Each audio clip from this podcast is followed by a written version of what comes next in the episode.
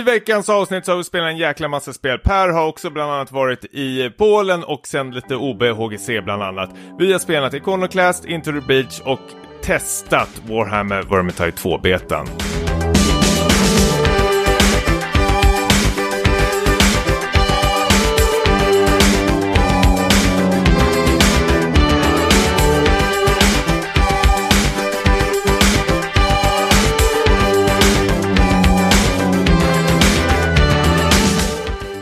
Jag sassa, brassa, mandelmassa och hej och välkommen till ett nytt avsnitt utav Späckat. Och vi som eh, ska dra igång det här avsnittet, alltså fy fan vilket jävla pissintro. Nej, kör.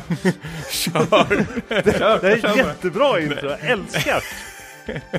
Ärligt, uppriktigt, jättebra start. Ja, jag tänkte dra någon slags eh, dum jävla eh, Vinter 02 eh, intro eller någonting sånt där till Kent och säga någonting i stil med "Och vi som värmer här i studion med varma spelkonsoler är vi i Späckat. Det här, det här är introt nu eller?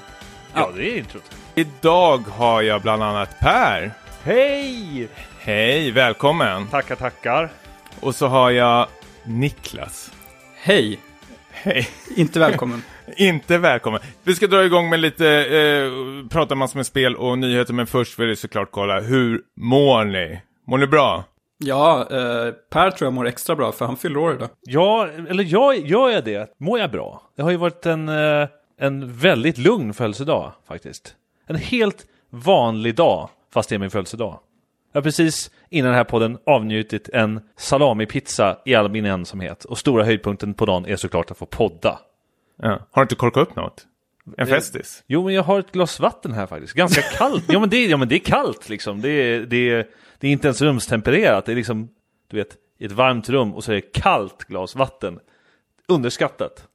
De små sakerna i livet. Kan ändå bli så stort. Nå något stort är ju också, vi ska gå in lite mer på djupet på det senare, men du har ju varit borta i eh, Polen och eh, ja, OB, sänt OB som man säger i den sexiga mediebranschen. Du har Jajamän. lite hots, eller hur? Ja, precis. Men jag måste fråga, jag frågar alltid det här när folk är ute och flyger. Hur var flygresan? Alltså det här är ju kul. Det här har vi tagit upp tidigare tror jag. Eh, och som gammal späckat lyssnare själv så tyckte jag, eller det var inte kul, men så, jag kände att jag bondade ändå genom etern när jag fick höra om, om din närmast maniska flygrädsla. Eftersom jag själv har haft stora problem med att flyga. Eh, jag har också en gång i tiden typ ätit tabletter för att klara flyget. Slutade med det för att tabletterna gjorde mig typ dåsig i flera dagar efteråt, så det liksom funkade inte. Så försökte bita ihop. Så att den här resan gick ändå förvånansvärt bra, får jag säga. Ja. Jaha, du är inte nervös eller någonting? Jo då, nervös var jag. Jag kunde inte sova på en vecka typ.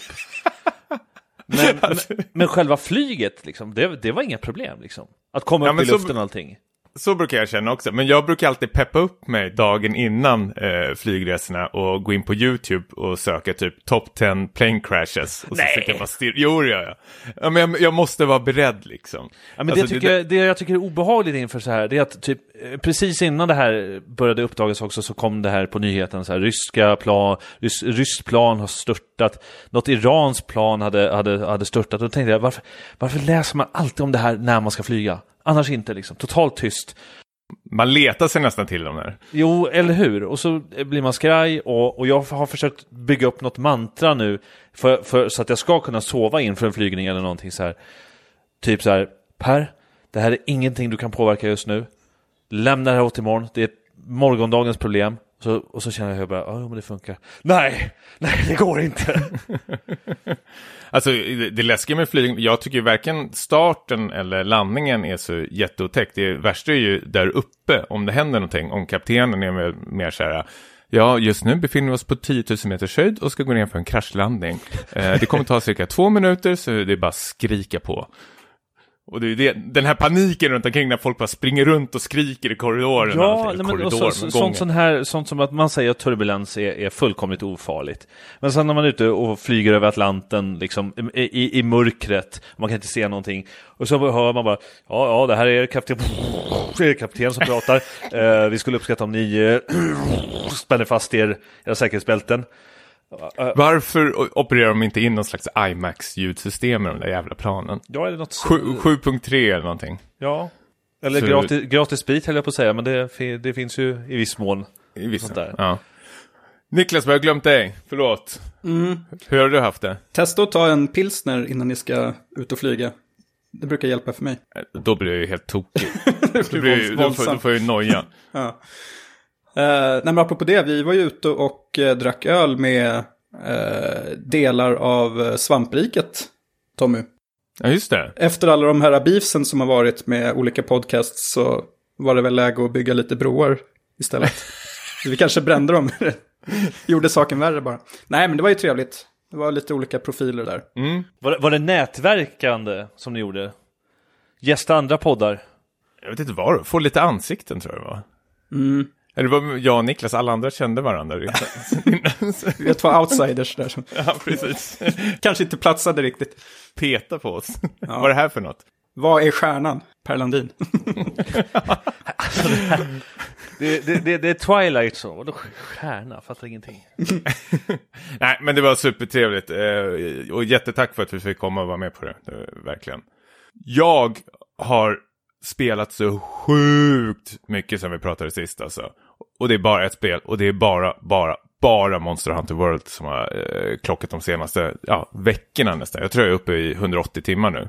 Det är så bra alltså? Det är det. Jag är så glad att jag äntligen, för jag har varit så sjukt jävla avis på alla som har fastnat i det här WoW-träsket. Jag gjorde ju inte det. Jag vet inte vad som hände, varför jag inte fastnade i WoW. Men det låter så kul att vara med un- under själva liksom här, när WoW startades och det liksom eh, vart stort och liksom crafta och leta efter gear och allting. Det här episka. Jag har alltid försökt hitta något sånt spel. Och nu känns det verkligen som jag hittar det. Jag sitter ju bara och tok-grindar varje, varje dag. Jag tycker det är skitkul alltså. Capcom gick väl ut eh, i dagarna och berättade att det här är deras bäst säljande spel någonsin, va? Ja, precis. De hade väl skeppat över, vad var det, 7 miljoner exemplar eller någonting. Det säger väl inte så mycket hur de har sålt. Men däremot gick de ut med en si- siffra eh, enbart för Japan. Att de hade väl sålt runt 700 000 digitala exemplar av Monster Hunter World. Bara i Japan. Mm. Och det är ju helt eh, otroliga siffror faktiskt. Och då har det inte kommit till PC ens. Eh, tänker att det kommer byggas på ännu mer. Ja, precis. Och när det väl kommer till PC, det är ju då alla börjar eh, breaka rejält och håller på och letar runt bland filer för att leta efter liksom rates och allting sånt där. Men det får vi vänta till höst. Hösten, nu, släpp, nu släppte Capcom någon slags här, f- fyra böckers guide i Japan istället som någon stackare sitter och översätter och lägger upp på eh, Playstation Forum. Sexigt. Det här gör mig Ja. glad enbart för att höra att, att det går bra för Capcom. Jag tänker så här, Ja, åh, samma här. går, går det bra för, för det här spelet så kan de ju utveckla fler Mega Man-spel och mer Street Fighter. Mm. Niklas tänker väl mer på Resident Evil tror jag. Ja, Resident Evil också. Ja, precis. Eller det blir väl mer Monster Hunter framför allt. Det är det som går hem, tänker Mm. jag. För jag tänkte Resident Evil som eh, vi hyllade i alla fall var väl, sålde väl otroligt dåligt. Alltså det är fortfarande med på deras mest tio mest sålda spel, såg jag. Men fortfarande inte i närheten av uh, femman och sexan. Det- Som Nej, jag precis. tycker är de sämsta spel. Men så dåligt gjorde det väl inte ändå? Eh, vi tänker på sjuan nu antar jag. Ja, precis. Nej, men det var nog inte så dåligt, men jämfört, det var en besvikelse jämfört med de tidigare delarna. Jag tror det var Alltså det, det var det. förtjänar väl mer, det var mer det som var tanken att eh, eftersom det här var ju ett bra spel och femman och sexan såklart är ju är usla. Så hoppas vi i alla fall att de släpper någon schysst uppföljare till det. Strunta i de där siffrorna. Hörni, Mm. Per, Ja. nu vill vi höra allting från HGC. För det första, du för att förklara från början. HGC, vad är det för någonting? Absolut. Eh, HGC står alltså för Heroes of the Storm Global Championship och är någon form av eh, världstour för, eh, för Heroes of the Storm. Och eh, vi var nu i Polen på IM Katowice. Eh, som då är det här, vad ska man säga, motsvarigheten till eh, mitten Europas DreamHack egentligen. Eh, det här är lite mer, mäss, lite mer mässform, ska jag säga. Vä väldigt, väldigt stor mässa, men med en del stora e-sporttävlingar också, bland annat typ eh, en Major i Counter-Strike, eh, som är hur stor som helst. Jag tror att förra året så tog IM Katowice emot 170 000 besökare på eh, tre dagar kanske. Och det är hiskeliga siffror om man tänker på typ eh, DreamHack som, eh, vad kan de snitta, 30 till 50 000 kanske. Mm. Ehm, och eh, HGC då, eh, som Blizzard eh, driver, var med där också. Och det är, jag tror det är andra, andra eller tredje året i rad som de kör den tävlingen. Och jag är med och producerar eh, den showen egentligen. Precis, det är någon slags OB-sändning som ni fick göra som sänds via Twitch, antar jag. Exakt. Och eh, vi har då är ett helt, helt eh, team från Sverige då som, som skeppas över till Polen för att göra, göra den här sändningen. Och eh, uppbyggnaden för den är en hel vecka innan. Så att eh, först var vi ner några dagar, riggade och sen så var det tre, tre dagar som vi körde fredag, lördag, söndag. Liksom från nio till typ elva på kvällen. Så att det är långa arbetspass men fruktansvärt kul att jobba med. Och jag har suttit då och sett till att all, alla namnskyltar, all statistik och sånt spelas ut under, under sändningens gång. Och så sitter jag och jag får jobba med replay-maskinen bland annat. Så är det så här, åh det där var ett snyggt, det där vill vi se igen. Så ser jag till att spela ut något snyggt som händer i spelet. Ah. Så både grafiker och slowmo-expert. Ja, kan man väl säga, någon form av kombination. Ja, otroligt. Alltså, jag, jag måste också veta, alltså, när man ska rigga upp för sådana här sändningar och sånt nu, hur, vad är de största liksom, problemen som brukar dyka upp för de här eh, OB-teamen och sånt då? Jag är ju väldigt... Jag gillar problem, jag gillar att höra problem. Jag är ju väldigt eh, soft för att eh, med min begränsade tekniska expertis så kommer jag ofta till ett dukat bord. Jag är mest ner med och rigga ner och sånt, så vilket gör det Mm. väldigt enkelt, enkelt för mig. Men jag tror att eh, en sån sak som typ eh, internet kan vara en bristvara i början. Och Mm. eh, överlag så får jag intryck av att liksom allt är på plats. Sen är det mest fintuning, att typ repa och se till att allting är med. Eh, Precis, sånt där tänkte jag också. Genrep och sånt där. Hur går det till med alla deltagare och allting sånt där? För är de på plats, tänker jag, eller liksom dansar de in som diver några timmar innan de ska gå på Ja scen? men, ja men det är lite så. Alltså, vi sitter ju och repar typ en dag innan och ser till att allting klaffar. Alltså så här, vi får ett, ett körschema. Ja, så här ska vi spela ut. När, när ni kommer in i studion så spelar ni de här namnskyltarna. Vi kommer att ha de här kommentatorerna just då. De här matcherna ska spelas, kolla att statistiken stämmer.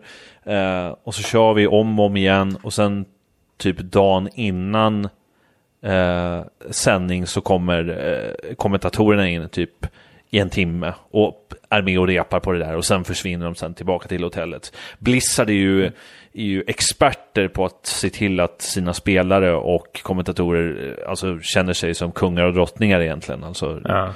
eh, som jag tycker är på, på gott och ont, men de blir väldigt bra behandlade. Och... Är, är det lite diva-varning? Ja, men det, ja, men det kan vara lite divavarning faktiskt. Ja, lite grann. Jag älskar att det har blivit lite diva-varning i e-sporten. Det kanske har funnits länge, vad vet jag. Jag är jättedålig på det. Men det finns i alla fall. Det, det finns definitivt. Eh, Men jag jobbar ju med alltså fantastiska människor liksom, som är jätteödmjuka. Jag hade gjort en, jag gjorde en tweet nu efter, ehm, eh, efter evenemanget och liksom sa att ja, det här teamet är fantastiskt, jag hade jättekul. Och sen var det en av då kommentatorerna, eh, hon heter, eh, hon, eller hon, hon nickar Gillyweed och hon har ju typ 50 000 följare.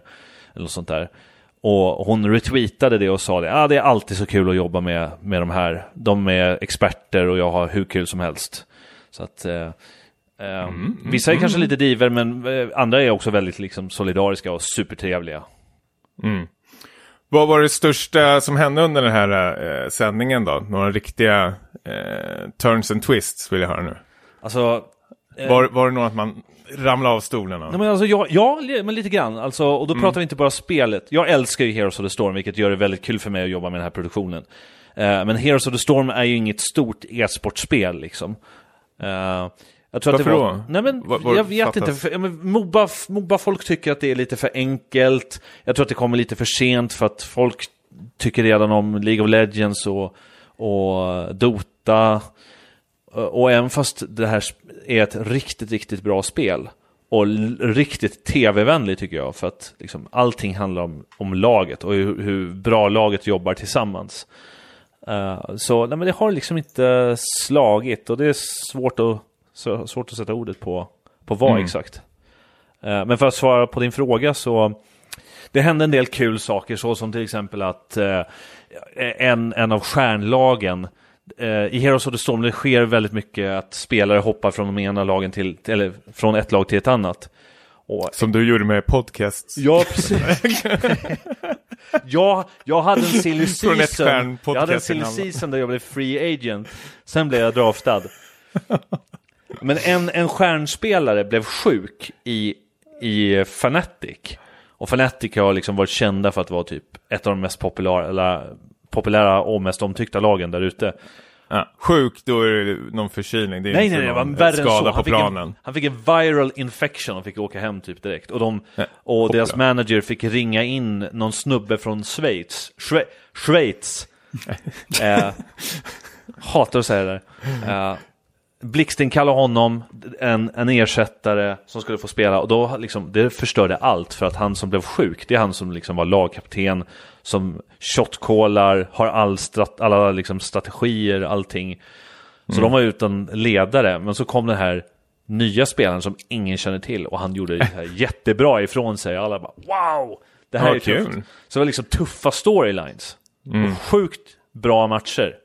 Liksom, eh, jag har varit med sedan 2016 med det här och gjort eh, kanske 6-7 produktioner. Och det var liksom superbra eh, tävling. För att det var så himla många hjältar som spelades, vilket inte alls är vanligt. Vanligtvis så brukar det vara liksom ett, ett fåtal hjältar som man spelar om och om igen. Men liksom, det var en väldigt eh, variationsrik turnering och eh, mycket otippade underdogs som gick långt. Så att den hade liksom, den hade allt. Ja. Jag är nöjd, det var en bra vistelse. Men kul. För jag tänker e-sporten och sändning och allting överlag är ju fortfarande väldigt ung, eh, känns som. Eh, Om du skulle ge lite så här konstruktiv kritik, eh, alltså vad är det för något som fattas tycker du inom sådana här sändningar som skulle kanske göra det bättre? Nej, Jättedum fråga kanske, men Alltså, nej, det är jag är dum, supernyfiken. det är ingen dum fråga, men du frågar fel person egentligen. Alltså jag, Ja. jag, jag Men du som tittare då, du, för du tittar väl ändå en del på Ja, men jag, är, jag, jag har ju sportnördsbakgrund också. Så jag, jag vill ju ha typ mer, mer sportaktiga sändningar.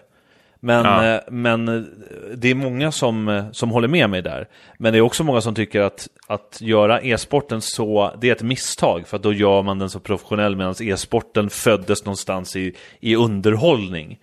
Och att liksom, eh, om man ska vara kritisk så, så kanske jag kan tycka att det saknades lite, lite flum. För att det här sänds ju på, på Twitch. Liksom meme-kulturens högborg på något sätt. Uh, får spamma Twitch uh, emoticon, eller emotes eh, av någon anledning. Så att, att göra det för professionellt kan ju liksom skada på något sätt också. Det måste finnas liksom, lite, rum, lite rum för flum. If that Ja, makes sense. fan vad det för jag tänkt på, för jag gillar ju otroligt mycket PUG och du också Niklas har Mm. ju försökt följa PUG i alla fall till någon slags sund nivå. Men det var, vad heter den här stora PUG-tävlingen nu som vi tittar på? Uh, intervention? Intervention. Intervention. Internationals? Eller? Internationals kanske det heter, precis. Är det Då de- sydkoreanska eh, ligan eller? Något sånt där? Nej, det är väl, den är väl universal. Okej. Ja, det finns det var jätte, från- jättestor, någon jättestor liga i Korea. Jag vet inte. Jag kan ha fel. Ja, ja, men då var det så otroligt konstigt för alla skulle in på scenen en och en som liksom presenterades och det var liksom så här kameraåkning och allting. Men det, var, det var så synd av de här spelarna, de visste ju inte vad de skulle göra där uppe på scenen när de gjorde opera till exempel. Tommy Jansson så klev in på scenen så folk blir så nervösa att de börjar liksom dabba i luften och, och, och grejer. Och det är ju superskärmigt men man känner också att må, många har inte kroppshållningen heller. Vissa går ju, kommer in med liksom som en gallkrok. Fan, de måste, folk måste träna också om de ska sitta i stolen så länge kände jag. Alltså det där är klassiskt i typ Starcraft. Jag minns eh, typ när Starcraft 2 precis kommit ut. Och det var också typ I am Katowice.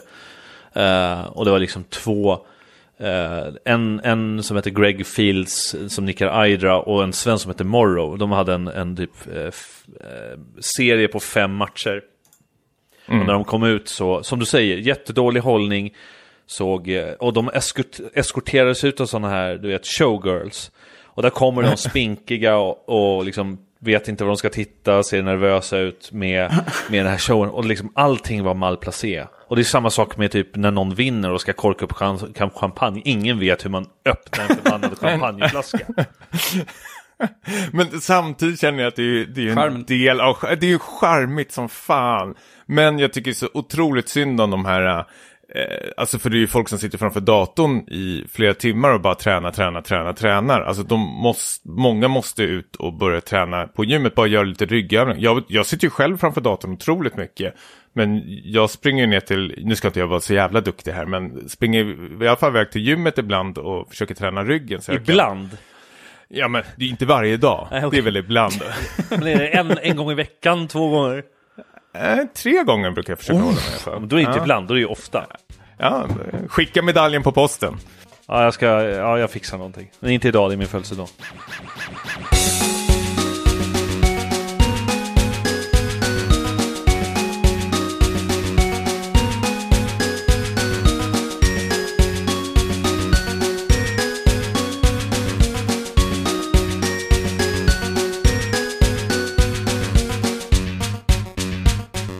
Niklas, Tommy? du och jag har kört eh, Iconoclast som vi ska prata lite om till att börja med. Precis. Eh, ett svenskt spel av eh, en, eh, en ensam upphovsman kan man säga. Eh, Joakim Sandberg, även känd som uh, Konjak. Oh, honom följer jag på Twitter. Han är jättebra pixel artist. Det är han inte. Jo, men det, det, det kan jag tänka mig att han är, för det är väl han som har gjort eh, bland annat grafiken till uh, Iconoclast som har tagit sju år att få färdigt.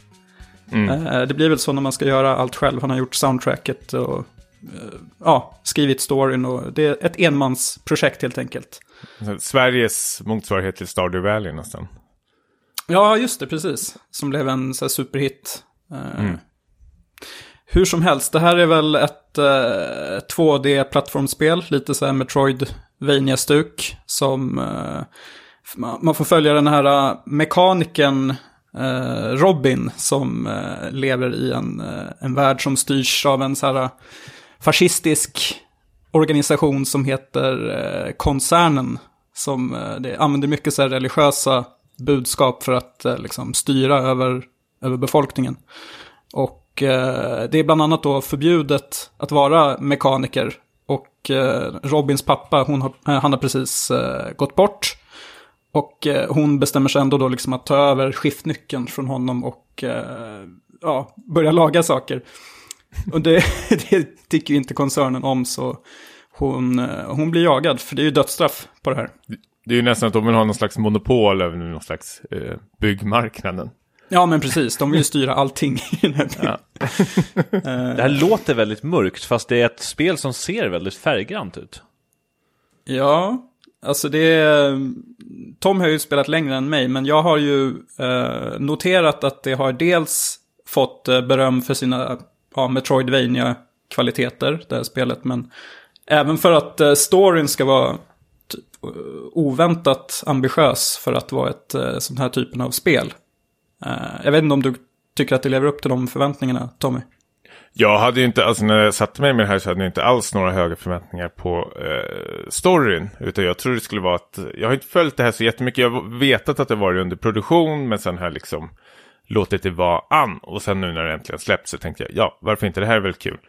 Eh, men eh, som sagt, det var ju sjukt mycket, eller sjukt mycket, men det är ju väldigt, väldigt, väldigt inte väldigt mycket text. Nu- Fan vad jag tar i hela tiden. Men, Men för den här det- typen av spel det det skulle vara väldigt, väldigt kunna säga. Jag tror det här skulle vara någon lätt eh, Metroidvania som man bara springer runt. Men jag märker ju rätt så snabbt att det är liksom eh, flertals karaktärer som har någonting att berätta. Och jag känner, jag känner att det finns någonting där, något, något intressant. Men jag, spelet lyckas inte liksom greppa tag i mig, liksom som det kanske vill göra, att jag ska känna mig engagerad i den här storyn. Jag tycker den är väldigt eh, flummig nästan. Jag, jag tappar väldigt så här, fattningen med alla namn och eh, vad är det för något de kallar någonting för mother och hej och hå, som säger någon slags här, religiös budskap som ligger i bakgrunden hela tiden. Men man får aldrig liksom några tydliga svar på allting. Jag tycker den är väldigt dålig på att introducera den här världen med textformen faktiskt. Jag har en fråga där. Ehm, Mm. Jag har ju sett textformen och eh, eh, jag har ju växt upp med mycket eh, JRPG som alltså går ut på, i princip allt har ju varit text, textbaserat eller väldigt mycket text involverat. Men jag tycker att i takt med att jag blir äldre så är, har jag svårt att följa med i spel som ser, alltså missta mig inte, det här är ju väldigt snyggt men det är ju simplistiskt. Mm. Eh, jag kan ta ett exempel, Shantae eh, Hafjini eh, har ju också text och det är ju fullkomligt, tycker jag, är helt omöjligt att, att läsa någonting. Jag tror att liksom det är själva formatet som det är, eller liksom. Ja, jag tror det som faller på här är nästan själva lokaliseringen. För jag tycker det känns väldigt så här, klumpig engelska för någonting som skulle kunna förklaras på kanske en, två meningar så drar de ut det liksom på flera rader nästan, eh, känns det som. Eller så är jag bara för korkad. Eller vad känner du Niklas? Uh, jag kan hålla med. Jag tycker å andra sidan att det är något som de flesta spel gör sig skyldigt till. Att inte hålla sig så kort och koncis som man kanske skulle önska alla gånger. Här är det ju, i, än så länge så har jag mest känt för att trycka förbi texterna för att jag tycker att eh, spelet i övrigt är väldigt kul. Alltså mm. hoppa runt och skjuta. Men storyn har väl inte greppat tag i mig heller riktigt. Eh, man märker att det finns ambitioner att bygga upp ett karaktärsgalleri med många figurer att hålla reda på. Ehm, men eh, jag vet inte, jag hoppas att det inte kommer att röra sig om en sån här klassisk ond mot god kamp i slutändan. Utan att det är mer nyanserat än så. Jag tycker de bygger upp lite mot det. Men eh, jag vet inte om det kommer att kunna leverera i slutändan. Ja, alltså det, det jag tycker också är så synd att jag, jag gillar ju springa runt i den här världen, gillar liksom själva spelmekaniken i det hela. Det är väldigt kul att spela det, men att pacingen blir så konstig så fort du liksom kommer in i en ny del av kartan så ska det liksom helt plötsligt komma någon miniboss från ingenstans, vilket jag inte har så jättemycket emot. Men sen ska det bli liksom det här tugget igen och då tappar jag liksom intresset för sen liksom 20 minuter senare så ska jag upptäcka en ny del av världen och känna att ah, men det här känns kul och intressant och sen håller det på så där hela tiden och bara matar eh, nästan. Mm. Man tänker ju på klassikerna i genren, alltså typ Castlevania, Symphony of the Night och Super Metroid. Det är väl, är det någon dialog ens överhuvudtaget? Ja, Dracula i början ju. Ja, han, håller, han håller lådan. Men... Ja, han håller lådan. Men det, är, det är så skönt, det är så rakt på sak. Hej, jag är skurk. Eh, ja. Lycka till, typ. Super Metroid är ju nästan så här minimalistiskt, väl? Ja, det är typ ja. äh, Metroid Fusion som inkorporerar lite text. Uh, jag tänker det är lite sam åt samma håll, men där tycker jag ändå fungerar hyfsat. Det är typ när Samus åker hiss som, mm. som det fylls med, med dialog. Uh, mm. Men eh, jag har inte spelat det här spelet, men, men jag har tittat lite på det och jag tycker att det är... Um, jag börjar ju tänka, alltså stilistiken är ju väldigt starbound. Jag vet inte om ni har sett uh, Terraria lookaliken, eller inte lookalike, men, men starbound. Eh, det är väldigt snygg pixelgrafik. Eh, och som, Metro, som Metrovania är det mycket backtracking och eh, har man power-ups eller hur, hur förbättras ens karaktär? Jo, men du har ju power-ups och liksom du kan likt, för att förklara lätt, kanske Nier Automata, att du kan sätta in liksom sådana små attributer i din eh, karaktär. Men i början av spelet så introduceras du till liksom små världar i den här stora världen och sen liksom för senare in i spelet så eh, kommer du tillbaka till dem. Och sen låses det väl upp mer och mer desto ja, längre in du kommer eh, såklart.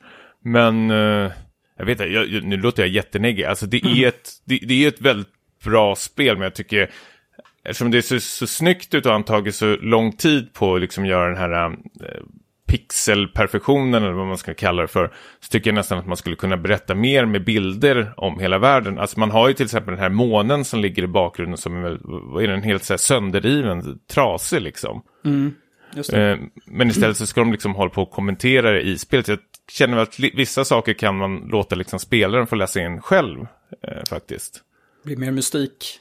Uh... Ja, faktiskt. Eh, för det är en väldigt spännande värld, men den ska alltid liksom förklaras hela tiden på något slags krångligt sätt. Det är bara i början så ska du liksom in i en kyrka, så står det liksom någon präst där som står så här, ja, vad vill du veta mer om? Och då är det liksom så här, vad är det, fem, sex olika alternativ om den här världen som du skulle liksom trycka igenom för att veta mer om världen. Jag känner lite, lite att det kunde varit lite mer show and tell faktiskt. Okunskap är underskattat.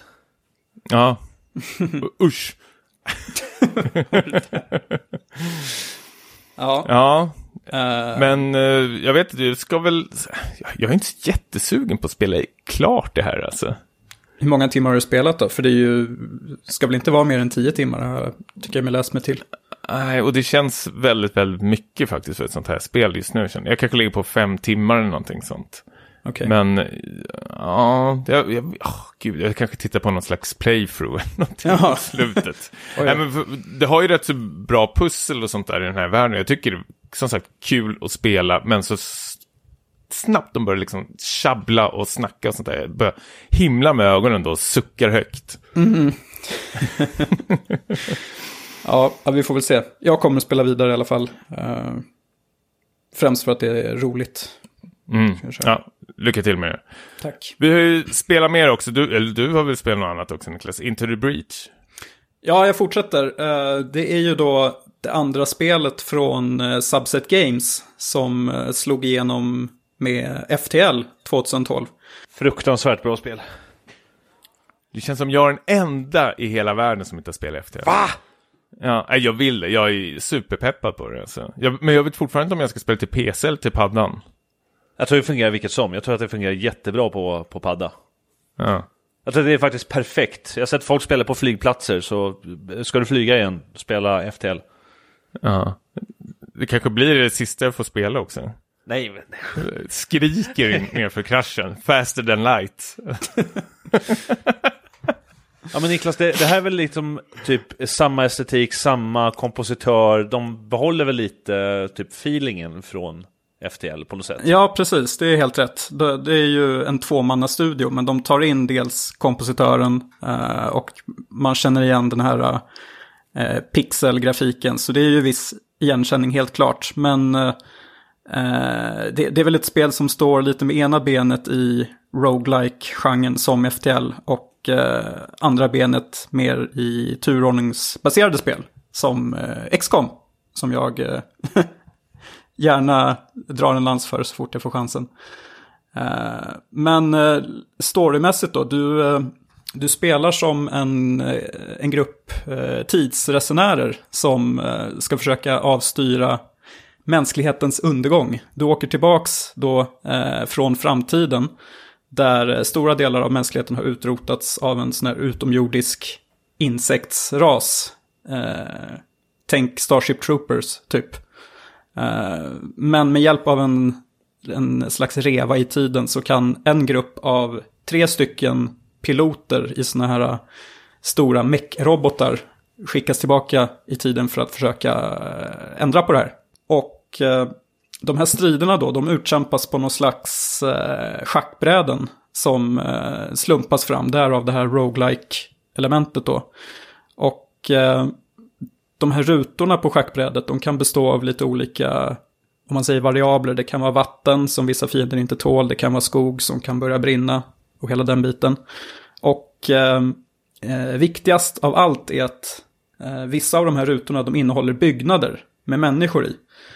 Och eh, när du släpps ner på den här, det här schackbrädet så kommer det eh, svärma in ett gäng fiender, eh, insekter då, som kommer att försöka förstöra de här byggnaderna.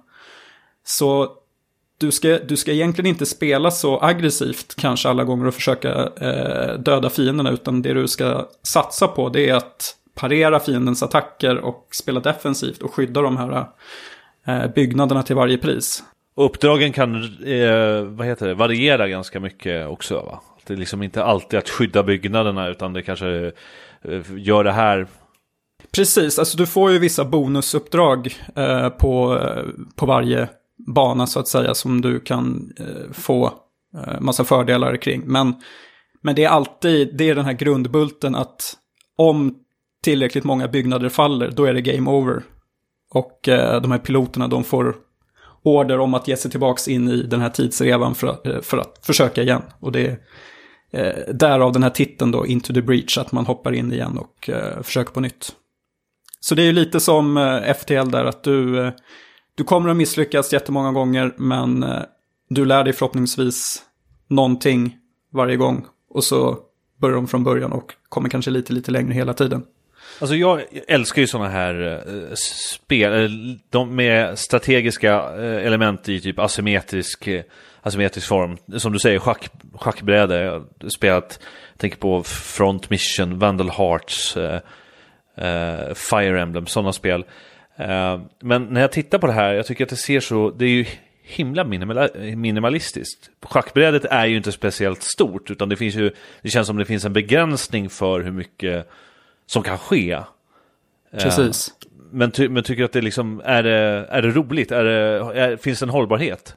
Alltså det är det som är lite intressant. Dels gillar jag att de här banorna är så små. För att det är, det är verkligen så här bite-size omgångar. Att det är en bana tar kanske fem, max tio minuter. Och sen skickas du vidare till nästa.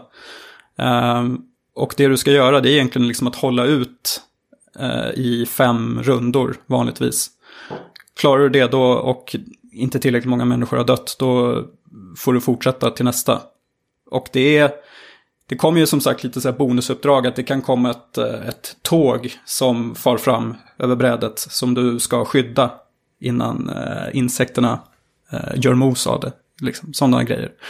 Och sen så, eh, det fina med det här är ju att eftersom du kommer från framtiden så då har du fördelen att du kan ligga steget före hela tiden och se eh, ett drag framåt vad fienderna tänker göra. Och därför blir det just det här med att du ska hålla på och parera hela tiden och försöka tänka till att hur kan jag liksom flytta på kanske den här fienden så att eh, den skjuter, istället för att skjuta en byggnad så skjuter den en av sina kompisar. Och det är väl det som är eh, den grundläggande spelidén. Hur, är, det svårt att komma in i? För bara titta på bilderna och höra dig så låter det väldigt komplicerat, typ. Ja, alltså, jag tycker nog inte att det är så farligt. Jag tror att det, typ vid tredje genomspelningen så lossnade det väl för mig. Uh, Jag tyckte att nog att FTL var svårare att, uh, att komma in i. Här är det ju mer, eftersom jag kommer från XCOM bakgrunden så känns det väl lite Detta, som detta att, skryt hela tiden. att jag har det här i ryggen, ryggmärgen på något sätt. Men uh, alltså jag har ju förstått, jag upptäckte tror jag i, igår eller vad det var att de här tre start mech robotarna du har det är liksom bara en av, tror jag, åtta konstellationer som du kan spela med. Och alla de här uh, olika mech-figurerna uppför sig ju olika och har uh, unika förmågor. Så att det finns liksom, när du har klarat det här spelet, och det ska du kunna göra på typ en timme, som jag har förstått det, så är väl tanken att du ska spela om det fast med en ny konstellation. Och sen har du hela tiden så här achievements och uh, sånt som du ska försöka samla på dig. Så att det Okej, okay, så ja. man ska kunna köra igenom spel på en timme. Men hur har det gått för dig då? Jag har uh, fallit på målsnöret en gång. Uh, ja. Så det känns ju som att det finns, till skillnad från FTL som jag liksom inte varit i närheten av att klara, så är det här, här är det mer inom räckhåll, tycker jag. Men vadå, så om du, så om du misslyckas får du, då får du börja om, då är det game over? Du får börja om, men du... Tillbaks till breachen. Ja, back to the breach. Men du får med dig en pilot som du har då kunnat bygga upp lite styrka med. Så att du får med dig lite tillbaks liksom till starten varje gång i alla fall. Okej. Okay. Och sen är det, om man säger så här, det, spelet består av fyra öar som du ska klara av då. Varje ö kanske tar, säg 20 minuter då. Um, men när du har klarat två av de öarna, då kan du göra ett försök på slutbossen. Och det var det jag gjorde då. Jag blev lite liksom girig och tänkte att jag, jag kan ta det här. Men det kunde jag inte, så det nu är jag då inne på ett försök där jag ska försöka ta tre öar innan jag eh, försöker klara spelet. För du... Varför kan du inte ta fyra då? Ja, men jag är rädd att jag ska sjabbla till det på, på vägen. Och sen om ah. du samlar på dig för mycket grejer, då känner spelet av det och eh, och gör det ännu svårare. Straffar dig. ja, precis. Ja, men då blir det en svårare slutbana, tydligen. Okej. Okay. Så den scalar med spelaren då? Ja, alltså. precis. precis. Ah. Härligt. Ja, så... Du känner, är du nöjd? Jag är nöjd. Jag, jag skulle nog vilja sticka ut hakan och säga att det här är bättre än FTL. Monster Hunter. Nej. ja, det också kanske. Men jag tänker Per, är det här något eh, du som älskar eh, Faster than Light har klockat 70 timmar såg jag på Steam. Va? Nej. Nej. Har jag spelat 70 timmar efter det? Får gömma din profil Per. Nej, Gör en privat. Du, det här, Fan, vad Nik- typiskt Niklas som ska runt och snoka i de Ja, där men det, här får, det här påminner mig om typ, eh, eh, en, eh, jag bodde i, i kollektiv förut och han hade också varit inne eh, typ eh, på min, På- ja han hade varit inne och sagt bara, så här, eh, han bara, ja, jag ser att du har spelat eh, hun- eh, 160 timmar förra veckan, ha, har du något jobb? Eh, jag bara, Ja, men det- Skit i det du! Det så det kan vara också. Eh, men alltså som sagt, jag, jag tycker att det ser lockande ut när man tittar på det. Jag gillar stil- stilistiken. Jag älskar musiken. Jag har, det är, jag har faktiskt lyssnat igenom soundtracket. eh, och jag tycker att, jag, jag vet, kan inte hans namn, men eh, jag tycker att han Ben är... Prunty heter han. Ja, ett geni. Fullkomligt geni. Um, skulle inte bli förvånad om det är min mest lyssnade Spotify-artist eh, i slutet av året. Um, Men jag vet inte, just att det ser så, jag avskräcks lite från det här minimalistiska, eller vad man ska säga, att det ser så... eh, Du tycker det ser för simpelt ut? Jag tycker det ser för simpelt ut. Och Tommy Absolut. tyckte det lät komplext. Det kanske, Ja, det lät mer komplext, men det ser ju simpelt ut. kanske Okej, finns ja. en gyllene medel, vad säger man, medelpunkt, medelväg, jag vet inte. Eh, jag, jag är inte främmande för att prova det, absolut, men jag är inte helt såld på, på, på den. Nej. Jag är mer såld på uh, Pers Steam-konto nu, känner jag. Jag vill finns in och mycket- rota jag också. mycket Finns det godsaker mycket, där. Finns det mycket mörker där, Niklas? Ja, det är många frågetecken som jag vill rätta, rätta Det här, ska vi, det här ska vi ta igen på något sätt. Niklas halvklarade spel. Hur går det med Subnautica? Ja, just det. Ja, men det ligger på havets botten. Ja, för svårt, tog sig vatten över huvudet. Ja. Mm. Ja, men vad trevligt. Men eh, det det ska väl eh, kollas in, kanske. Gör det, Du har, tycker du har inte sålt in det? Varken till mig eller Per? jag. Eh, Elevator pitch på Into the Breach. Vad är det? eh, schack fast med gulliga mech-robotar som slåss mot insekter. Ka- Kaju Chess såg jag någonstans, någon sa. Ka- Kaiju Chess, det lät ju kul ju förstås. Jaha. Ja. Per fixade Per det. sålde in det. Ja, Tack. go for it. Ja. ni är stjärnan. Mm.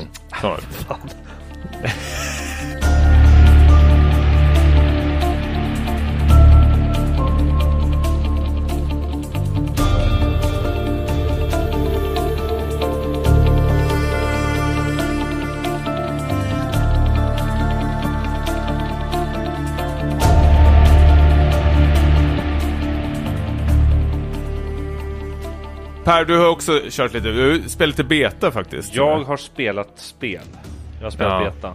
Ehm, Vermintide Warhammer 2, eller säger man Warhammer Vermintide War, 2, War, beta. Warhammer Vermintide 2. Ja. Ehm, Otroligt, vilket namn. ja, verkligen. Gå, Med tanke på hur många Warhammer-spel det finns där ute. Och hur mycket de... Åh, är det någon som ens insatt i det universumet? Eh, m- m- Mikael Jansson, Marvin Mega, Ja. mycket beläst. Ute. Jag spelade med honom under be- betan. och Han, han kunde... Han kan ju allting. Ja, han kunde liksom, vi kunde mitt i, i all splatterfest så kunde han stanna upp och bara Åh, det här är en Skaven som från det här. Jag bara, Åh. Drog ner stämningen, eller? nej, nej, absolut inte. Väldigt, fas- väldigt fascinerande på många plan. Det är lite så turista i Gamla stan eller någonting, stanna upp i någonting. Och liksom. Ja, ja, kanske säga spelvärldens Christopher Regan. Nej men Warhammer, ja. Nej men Warhammer är ett så här universum som jag, Smalt. jag har alltid velat sätta tänderna i på något sätt. Liksom. Du vet när man, när, när man var barn och ser sådana här figurer. Bara, Warhammer, gud vad tufft, det här, vill jag, eh, det här vill jag börja med. Och så ser man hur dyrt Warhammer var. Bara, nej, nej, kommer aldrig hända. Men eh, Warhammer Vermintide 2 då som är utvecklat också av eh, svensk spelstudio. Eh, Fat Shark. Eh, uppföljare på vad jag tror var en, en succé. eh, som i princip är, vad ska man säga, eh, jag vet inte vad man kan kalla det. Eh, Det är någon slags Left 4 Dead skulle ja, jag men säga. jag ska ty- typ Gauntlet, ja men det måste finnas ord. Gauntlet, eh, run, run, Runway, eh, splatter slash Gauntlet. Ja, ta ju till A till B och döda allt på vägen. Ja men exakt, så, så kommer det en massa vågor av fiender som man ska besegra i ett party om fyra stycken. Och det här spelade jag då tillsammans med eh, eh, två tidigare späckat medlemmar och ja, ni känner henne som Elisabeth.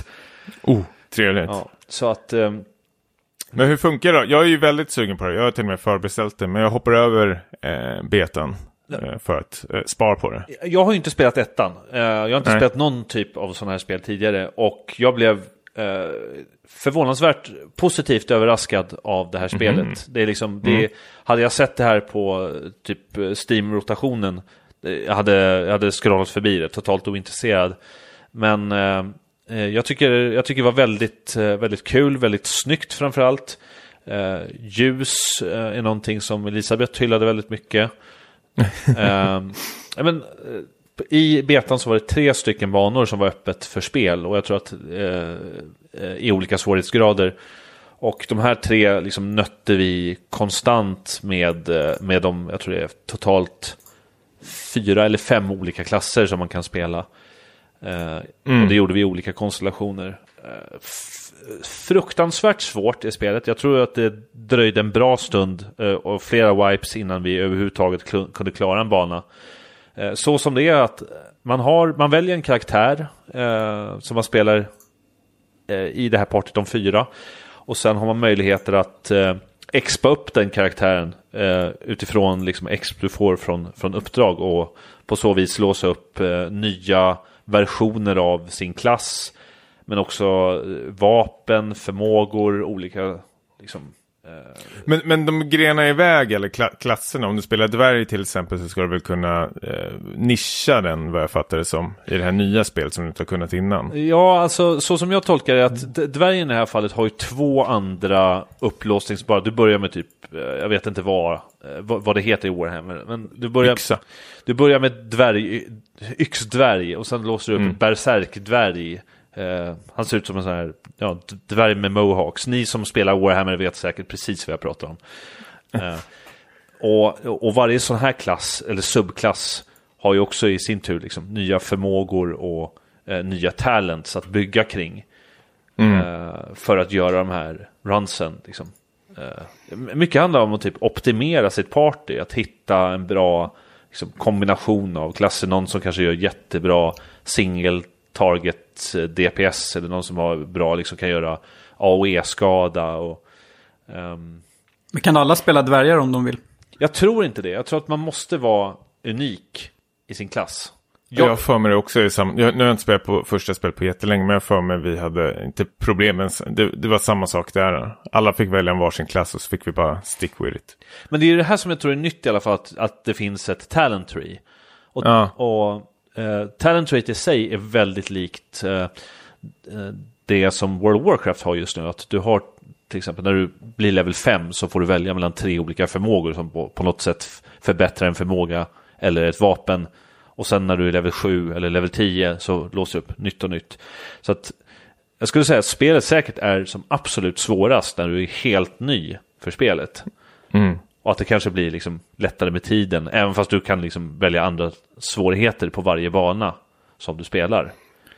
Nej, men jag, jag kommer ihåg första spelet så hade vi otroliga problem med det. Att i, i början så sprang vi, vi trodde det var ett snabbt... vi spelade som om det vore typ såhär Quake 1. eller Oj, något i ja. början. Ja, men vi visste inte vad det var för någonting. Vi tänkte, men här springer vi runt och slaktar lite. Men det går ju inte alls, utan det är ju precis som du säger. Att man måste vara väldigt eh, koordinerade och eh, kunna prata med varandra. Och även använda jag vet inte om det fanns med i den här betan, men man kanske kan hitta bomber och Jo, jo, poison. Och, ja, men precis. Och använda alla verktyg som finns liksom runt omkring en och ta det lite försiktigt eh, istället för bara springa rakt in eh, ibland, var det så? Ja, nej men pre- precis. Och typ utnyttja det som liksom, man finner på vägen för olika saker. Och bristvara var ju typ hitta helande potions. För man tar ju Ja. så hiskeligt mycket skada. Eh, jag som har spelat WoW, jag, det här påminner mig om typ challenge modes. Där man liksom springer dungeons på extrem svårighetsgrad. För som sagt, vi dog väldigt mycket. Men det, trots att den, den höga svårighetsgraden så var det så himla kul för att jag tycker att eh, di, dialogen som karaktärerna har med varandra eh, är så charmig. Eh, så att man, är liksom, man blir på gott humör på något sätt. Liksom. Det, är, det är humor och det är liksom... Eh, Men vadå, de håller på och riffar med varandra? Ja, eller? exakt. Och liksom så här, That was a very good shot. Eller så här, "Uh, you look tired, drink a healing potion. är det dvärgen nu? Ja, eller jag tror att jag härmar uh, den karaktär som Elisabeth spelar. Hon spelar en sån här st stroppig uh, ranger eller någonting. Så, så att liksom, det är unika personligheter och, och sticker ut liksom. Så det var ju kul på det sättet och sen vad, mer tänkte jag tänkte säga. Alltså då, det, det är så, det är så oväntat för att eh, även om du liksom spelar samma bara om och om igen så är sponsen aldrig densamma. Eh, på vägen mm. så mötte vi liksom ändlösa eh, vågor av, av Skaven då som är ett form av råttfolk och Chaos som är liksom, jag vet inte vad, zombie-liknande eh, människor. Jag vet, jag är i brist på bättre ord. Eh, så här, mörkerinfluerade människor kanske. Eh, men då och då liksom så kommer det stora, stora monster som kan spåna liksom, när man minst anar det. Och plötsligt får man liksom hantera situationen utifrån det bästa, liksom, ja, de förutsättningar man har. Eh, liksom, Coolt. Då och då hoppar någon så här uh, lönnmördare på uh, på oss i ryggen och då måste man snabbt Jävlar. Jag har en lönnmördare på ryggen! Och då måste hela party springa och liksom hjälpa till direkt. Så det finns extremt mycket liksom taktiska beslut. Det där hade jag fan glömt alltså. För jag kommer ihåg de där jävla råttorna som kunde hoppa på någon äcklig jäkel och dra iväg en med någon slags snöre eller någonting runt ja, halsen. Exakt. Ja, det, så, ja. och, och åkte man iväg och alla fick springa efter den som någon slags skräckfilm nästan. Ja, ja, ja, och så har du eldkastarråttan också. Och Eh, det är så mycket strategiska dimensioner i det. Jag, jag tyckte det var skitkul och jag vill mm. definitivt fortsätta spela det här spelet. Jag, nu låter det som jag sa med, med Sea of Thieves, men det här är det spelet som jag inte visste att jag behövde. Uh, men jag, nu när jag var i Polen, jag liksom kunde inte sluta tänka på, på Vermintide. Tyckte nej, men det var himla kul. Du var för insnöad i HOTS hela tiden? Ja, jag tror nästan det. Ja. Nej, så, som ska eh, lära upp mig och Niklas hur man ska spela. Jag, jag tänkte höra eh, nästan viktigast av allting. Loot-systemet, fick du någon grepp av det? Uh, ja, det fick jag. Uh, så, ja. så som För förra spelet så var du tvungen att slå massor med tärningar efter. De kanske ändrade Nej, på det slags, Du har en slags tärningsmekanik uh, typ på banan där du alltså kan typ plocka på dig en tärning. Som mm. du får och så rullas något i slutet om du klarar banan tror jag. Eh, Precis. Jag tror att när du går upp i level så tror jag att du får, det här spelet kommer kretsa kring lootboxes. Jag vet inte om du kommer kunna köpa dem, men det är eh, lootbox inkorporerat. Så att du kan hitta någon form av dice som lägger till lootboxes eller ger dig lootbox rolls. Men i princip när du klarar en bana så belönas du med experience points eh, och någon form av lootbox tror jag, beroende på hur du presterat under matchens gång. Uh, så i de här så kunde du hitta uh, nya vapen, nya amuletter, uh, rustningar för att liksom förstärka mm. din karaktär. Och, och, bygga, bygga vidare på det på olika sätt. För typ varje karaktär har, har mer än ett vapen och liksom kan en, en klass som jag spelade till exempel Battle Mage hade eh, liksom bygger allt kring eld, men en eldboll var liksom, kunde nå väldigt långt medan en annan, ett annat vapen gjorde så att jag sköt eldkastare väldigt stark men på väldigt kort range. Så att, eh, ja, lootboxes. ja, positivt eller? Det funkar. Vi får se, tror jag. Ja. verkar inte vara så jättesåld nej, nej, men alltså, eh, jag, var, jag var positivt överraskad av betan och vi får väl se mm. om det inkorporeras på liksom en, en betalningsmodell, om det blir lättare liksom att få tillgång till vapen eh, på det sättet. Men eh, jag vet inte vilken takt eller hur snabbt man kommer få det väl vid release som borde vara släppt nu när den här podcasten är släppt. Det stämmer. Så ja, jag håller mig jag, försiktig Lyssnarna har facit i handen. Jajamän. Har de. Hur känner du Niklas för det här? Uh, jag du vet tog ju sönder inte. mina Warhammer-gubbar när vi var små. Så Just det, det här blir kanske ihop ytterligare det. sätt att krossa. Och förstöra, förstöra för hem. dig. Ja, och hem och avinstallera spelet. Ja, finns ju risk. Nej, men det, det är ju billigt. Uh, men uh, tror du det Per, att det här är något som man kommer att liksom tycka är kul under en längre period eller spelar man slutet på Jag några tror, veckor. jag tror att det beror väldigt på eh, hur många banor de släpper och liksom hur... ehm, Det kanske fylls på kontinuerligt. Ja, jag, jag, jag kan tänka mig att det här är liksom ett perfekt eh, spel för att lägga till DLC, till exempel flera klasser eller flera banor senare. Eh, jag kan tänka mig, alltså, har, har man liksom tre vänner så är det här ett spel som är superkul att spela ihop. Eh, och jag är övertygad om att liksom, du säkert kan dra ihop en eh, 70 timmar för att överträffa de där FTL, FTL-timmarna. Ja, det får vi se. Nej, men, eh, Ja. nej, men de, de, definitivt eh, ett, ett bra spel att spela ihop med sina vänner. Sen om långbarheten är så stor, det vet jag inte. Men definitivt ett spel som att man kan återvända till lite då och då. Mm. Nej, vi kommer få höra mer av det här spelet till, ja, jag tror säkert nästa avsnitt då vi i stort sett alla har spelat det. Förutom Niklas. Ja, med det sagt så är det tyvärr dags att börja avrunda. Eh, till nästa avsnitt, vad, vad pratar vi då om? Har vi något spel? Kommer jag. Förutom Vermintide 2. Vi får väl se. Jag vet att Elisabeth eh, har precis börjat spela Surviving Mars. Eh, det här nya strategispelet. Mm. Det lär hon ju berätta om, misstänker jag. Precis, och eh, sen kan vi nästan börja tisa redan nu att vi har väl en liten eh, överraskning, eh, skulle jag vilja säga, eh, till nästa avsnitt faktiskt också. Oh, vad spännande. Ja. Eh, håll utkik på eh, kanske Twitter, sociala medier. Eller fan, lyssna bara på nästa avsnitt så får ni reda på vad det är. Vi har ju Overwatch också, svenska Brigitte Lindholm att spela. Det är någonting att, att sätta tänderna i. Just det, jag har inte provat det på PTR Jag än. har precis kommit ut på PTR. Ja. Herregud, Kasta, det är ju kasta in i det. Är inte hon, eh, röstskådisen, gjort någon Sailor Moon-karaktär? Hennes mamma, Annika Smedjus. eh, Så är det. har, har, eh, är ju röstskådespelare i Sverige. Hon har typ gjort alla röster. Jag tror hon har gjort eh, Jessie i Pokémon också. Sitter jag som världens största nörd nu. Vem är Jessie i Pokémon?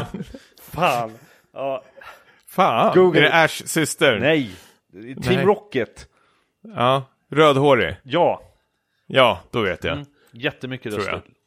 Ja, Nej, men det- det- det- kul också att få lite svensk. Torbjörn, det görs av någon eh, annan. Det är ingen svensk som gör det.